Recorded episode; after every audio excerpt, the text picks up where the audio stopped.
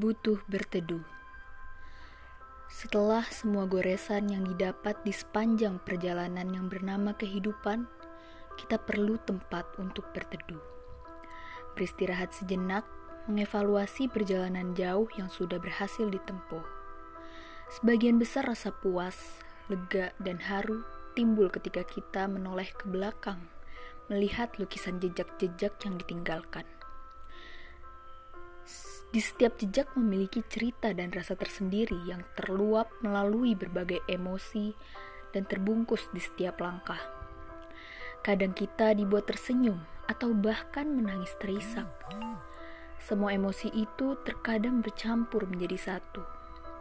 Dari tempat berteduh itu, kita melepas segala kepenatan dan mencoba menentramkan pikiran. Sembari memungut banyak hikmah dari setiap ukiran jejak yang masih membekas jelas.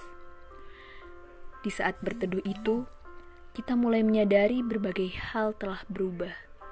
Seiring kita menapaki jejak, menelusuri cerita demi cerita, lembar demi lembar.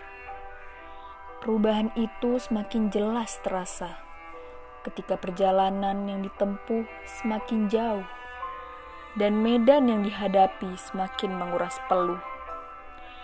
Berbagai keadaan yang terjadi memaksa kita untuk terus bisa beradaptasi, sehingga tanpa sadar membentuk sebuah transformasi yang pada akhirnya akan kita syukuri. Di saat berteduh itu pula, kita mulai menyadari betapa besarnya kebutuhan diri ini akan sosok penolong yang maha kuasa karena perjalanan panjang tadi tak mungkin bisa terselesaikan jika hanya mengandalkan diri sendiri yang rapuh ini. Dan dengan selalu bergantung kepadanya, perjalanan ini jadi terasa memiliki makna dan keberkahan yang terselip di dalamnya. Tidak ada manusia yang sempurna, diri ini pun begitu. Tapi hari demi hari, waktu demi waktu, kelemahan yang kutemui di kala menghadapi tantangan akan kuperbaiki di lembar selanjutnya. Sang pemberi cobaan adalah yang paling tahu tentang seberapa besar kapasitas diri ini untuk mampu bertahan.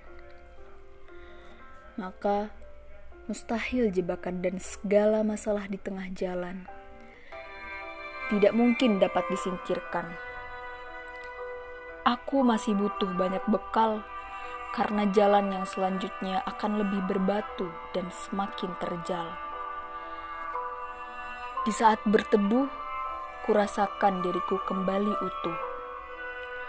Hatiku menjadi lebih teguh dan kembali bersiap, berkelana dengan tangguh.